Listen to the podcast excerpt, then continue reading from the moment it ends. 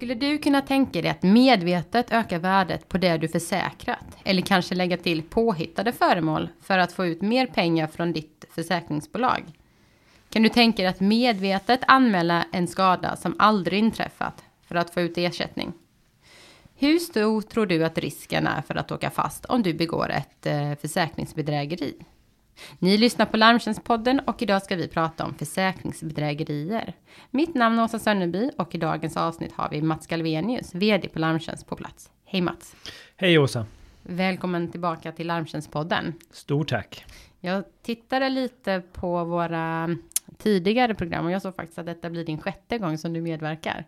Oj, det börjar bli en dålig ovana.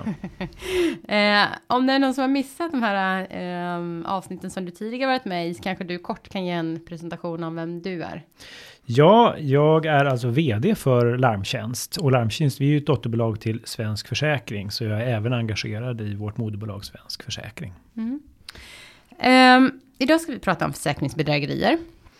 Det har ju nyligen släppts en rapport om just då försäkringsbedrägerier som eh, Larmtjänst och Svensk Försäkring årligen tar fram. Eh, om vi tänker försäkringsbedrägerier, hur stort är egentligen problemet?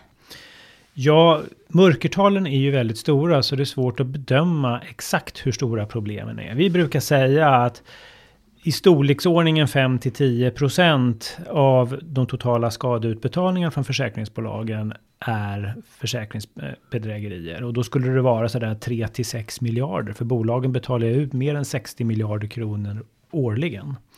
Men som sagt var, det är en väldigt stor osäkerhetsmarginal där. Mm. Men det är mycket pengar det, det handlar om oavsett.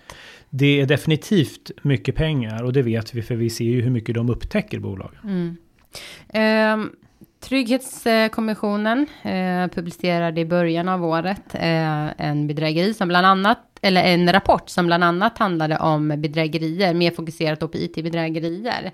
Eh, och då var ju, kunde man läsa i den här rapporten att detta var ett typ av brott som rättsväsendet kanske inte riktigt prioriterade Upplever du att det är samma problematik även när det kommer då till försäkringsbedrägerier? Ja, det gör vi verkligen. Det är, vi tittade för några år sedan på hur rättskedjan fungerar för försäkringsbedrägerier och i det fallet så kom man ju fram till att i genomsnitt så var det runt 14 procent av de polisanmälda bedrägerierna som faktiskt blev, gick till lagföring. Resten liksom sorterades bort under vägs gång. Det tycker vi naturligtvis är väldigt, väldigt lågt. Vi arbetar för att man inom polis och rättsväsende ska prioritera upp de här brotten. Men eh, i dagsläget verkar det vara dåligt med resurser på den punkten. Mm. Vilka är det som begår de här bedrägerierna? Eh, har man någon form av eh, koll på det? För några år sedan så bad vi eh, Umeå universitet att titta på den frågan. För vi ville veta vilka är det eh, som begår försäkringsbedrägerier och då gick vi in och tittade helt enkelt på domar och såg vad var det för personer som hade blivit dömda för försäkringsbedrägerier. Och då kunde man konstatera att det stora flertalet det är tillfällighetsbedragare, det vill säga någon som kanske har fått en försäkringsskada och så passar man på att plussa på mm. eller man passar på att eh, ljuga om skadans omfattning. Mm. Eh, men det finns också en liten del av brotten som begås av mycket, mycket brottsaktiva personer. Det kan vara personer som är kopplade till organiserad brottslighet eller seriebrottslighet och som gör det om och om och om igen och på ett organiserat sätt. Mm. Det kommer vi beröra om en liten stund också, men eh, i den här rapporten som nu har publicerat, är det någonting som eh, du blir förvånad över? Någon någon, några siffror som stack iväg eller är det ungefär eh, som det brukar? Eh, det är inget, ingenting som är jätteöverraskande. Vi ser att eh, försäkringsbolagen de utreder lite fler misstänkta bedrägerier. Det har gått mm. upp med ungefär 7% från året innan. Så nu är det ungefär 7 500 eh, bedrägeriutredningar de gör per år. Mm. Eh, beloppen som man eh, upptäcker, de ligger ungefär på samma nivå, runt en halv miljard kronor.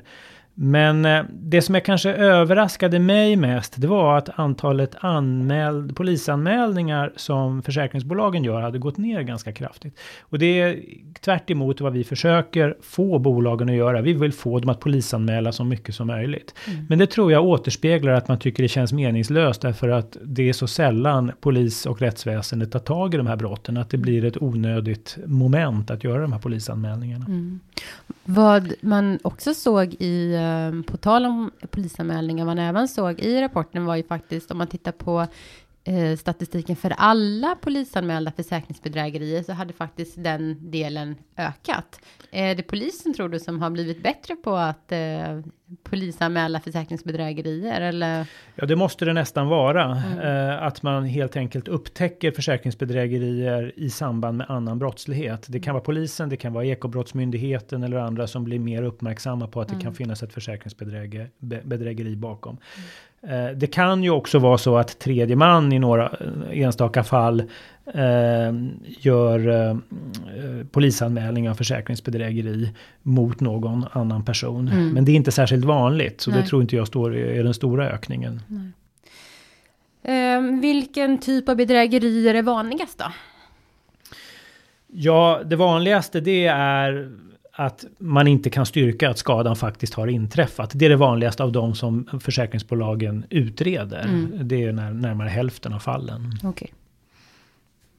Eh, sen om vi, om vi pratar något som är eh, något man pratar mycket om i, eh, i branschen när det gäller försäkringsbedrägerier är ju faktiskt även det som kallas påplussning. Men där ser man ju i statistiken att det inte ser ut som att det finns, att det, är så, att det här är ett jätteproblem. Eh, men jag förstår ju att det är en annan förklaring till de siffrorna. Ja, egentligen är nog det den vanligaste mm. bedrägeriformen. Det är bara det att här är mörkertalet som störst. Mm. Och det är också så att väldigt många av påplussningarna, de sorteras bort tidigt i skaderegleringsprocessen. Mm. Man eh, kanske redan när man begär in ett kvitto eller annat så kan man sortera bort det så att man aldrig behöver skicka det till utredning. Det går aldrig så långt att det ens blir, alltså det ett väldigt tidigt försök till bedrägeri som aldrig liksom blir ett riktigt misstänkt bedrägeri. För att det sorteras bort tidigt. Ehm, I rapporten så tittar man ju även på vissa bakgrunds, eh, eller i statistiksammansättningen så tittar man ju på vissa bakgrundsvariabler och man kan se vissa eh, skillnader på det som begår, det, med tanke på ålder och geografisk placering etc. Eh, hur ser det ut där? Ja, för det första så ser man ju att män är överrepresenterade bland de misstänkta försäkringsbedrägerierna. Mm. Eh, drygt två tredjedelar av alla misstänkta bedrägerier begås av män. Och det finns eh, nog två orsaker till det. Det ena är att män är överrepresenterade bland försäkringstagarna för vissa typer av eh, försäkringar, bland annat motorförsäkring, där mm. det sker ganska mycket bedrägeriförsök. Men det är också så, det vet man från annan, annan akademisk forskning, att män är överrepresenterade i nästan alla typer av eh, brott. Man, mm. Män är mer brottsaktiva än kvinnor. Hur ser det ut, eh, kan man säga någonting om åldern också? Det är uppenbart att eh, 80-talister och nu ser vi också 90-talister är tydligt överrepresenterade. Mm. Så det yngre, de yngre åldersgrupperna, mm. det är väldigt få av de äldsta åldersgrupperna som blir misstänkta för försäkringsbedrägeri. Nu ska man komma ihåg att det är också på, den här statistiken påverkas ju av var bo, försäkringsbolagen letar efter bedragare. Det är ju möjligt att man faktiskt har större kontroller över nya och unga mm. eh, försäkringstagare. Man kanske kan säga att det inte är 80-talisterna och 90-talisterna som är några sämre årsgångar utan det är kanske åldersspannet där som är mer relevant. Kan vara så. Jag är ju själv 80-talist, så jag känner mig berörd av de här siffrorna. Å andra sidan då, eftersom om, själv är jag ju storstadsbo och stockholmare, så kan vi ju konstatera att stockholmare och skåningar är överrepresenterade i statistiken. Ja. Medan eh, norrlänningar och framförallt eh, Götaland utanför storstadsregionerna är klart underrepresenterade mm. i statistiken. Mm. Så även jag är utpekad. Ja, um, i den här rapporten så framgår det även att man har gjort en, ehm, en eh, undersökning, en attitydsundersökning för att titta på hur, eh, hur allmänheten ställer sig eh, kring frågor som handlar om försäkringsbedrägerier. Och då kunde man se bland annat att ehm, de flesta tyckte att det var ett allvarligt brott. Ja, och det som är positivt är att vi har gjort den här undersökningen år efter år mm. och folk blir mindre och mindre förlåtande till försäkringsbedrägerier. På alla variabler blir man mer, ska vi säga, skeptiska mot de som begår försäkringsbedrägerier. Det blir mindre acceptabelt helt mm. enkelt lite kanske samma utveckling som skattebrott? Skattebrott och bidragsbrott, jag tror alla den typen av eh, brott mot kollektiva system ja. har, eh, förstår folk att i slutändan blir man själv som betalar. Att det, man liksom skyfflar över kostnaderna på någon annan i kollektivet och det är inte schysst. Nej. Eh, vad som är intressant också i, eh, i undersökningen eh, var att eh, Eh, 44 procent faktiskt kunde tänka sig att anmäla en person som de visste hade begått ett försäkringsbedrägeri. Jag tänkte lite på den här anmälningsstatistiken som vi pratade om innan. Mm. Um, om det nu är så att man um, åker fast för ett försäkringsbedrägeri, vad finns det för straffvärde där?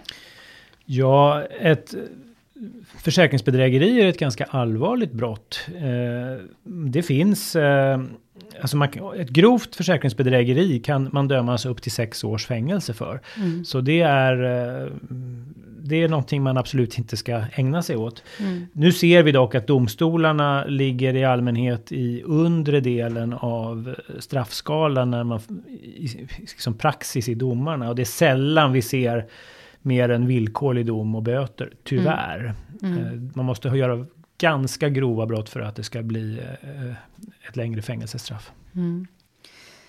Um, om vi pratar kanske lite om vad faktiskt försäkringsbranschen gör mot för att minska och motverka försäkringsbedrägerier. För att tittar man på det stora hela så bedrägerierna drabbar ju i slutändan om man inte gör någonting de ärliga försäkringstagarna.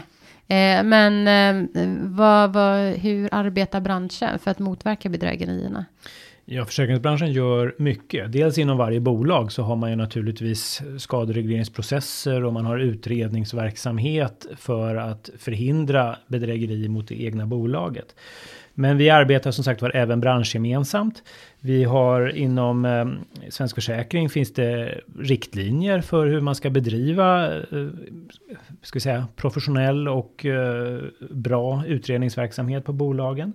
Inom eh, larmtjänst så gör vi väldigt mycket arbete kring att samla in statistik, tillhandahålla verktyg eh, och hjälpa till med utbildning, påverkansarbete för att minska bedrägerierna.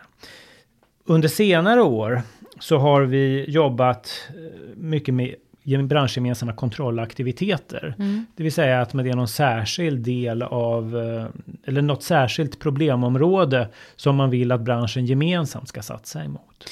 Ja, och eh, 2018 så gjorde man ju en kontrollaktivitet eh, där man tittade på misstänkta arrangerade trafikolyckor. Och det var egentligen lite det som jag syftade på tidigare när vi sa att man har sett vissa organiserade, att det varit organiserad eh, kriminalitet bakom vissa typer av bedrägerier. För detta är ju ett, någonting som man såg för i alla fall några år sedan, ligor som jobbade med arrangerade trafikolyckor. Eh, och i år har man ju tittat närmare på om detta fortfarande är ett problem. Hur, hur har det sett ut? Ja, det är riktigt. Alla försäkringsbolagen gjorde gemensam satsning för, eh, förra året för att utreda det, det som kunde vara misstänkta trafikolyckor som kanske inte hade inträffat. Mm. Och sammanlagt så hittade man 190 stycken sådana olyckor som man utredde.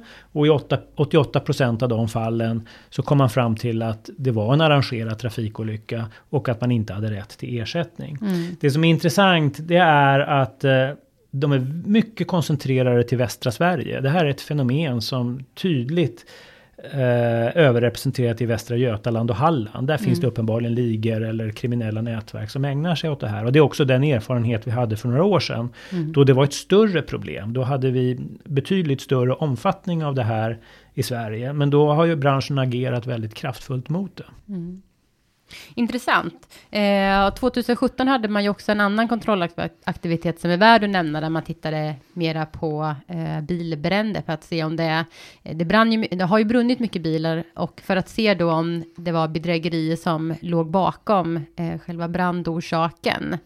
Eh, finns det något mer att säga där runt omkring? För det var också intressanta jag kan även där, nu har jag inte de siffrorna exakt Nej. i huvudet, men, men man eh, utredde runt 500 bilbränder och eh, en klar majoritet av de man utredde, ja då kom man fram till att det var eh, bedrä bedrägeriförsök bakom. Mm. Och jag tror att det var väldigt viktigt att man gjorde de här aktiviteterna därför att de kriminella nätverk som utnyttjar sån bilbränder i bedrägligt syfte de fick sig nog en näsbränna när de inte fick ut pengar. Mm. Och vi såg på vissa orter, Södertälje är ett sådant exempel, att bilbränderna efteråt har gått ner väldigt kraftigt. Mm. Och det tror jag beror på att de här eh, bedrägeribränderna helt enkelt försvinner. Mm.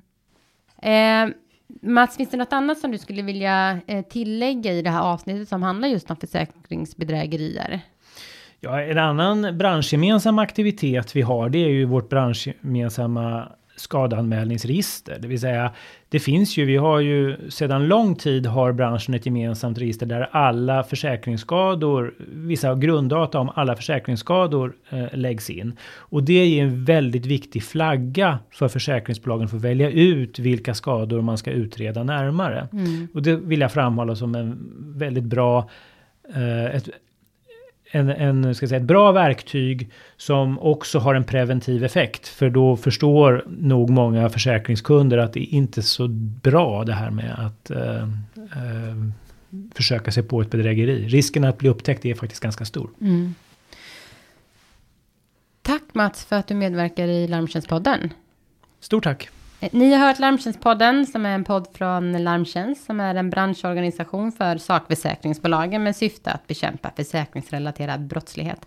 Dagens gäst var Mats Galvenius och jag heter Åsa Sönderby. Dela gärna podden i alla era sociala kanaler så tackar jag för att ni lyssnade så hörs vi igen. Tack!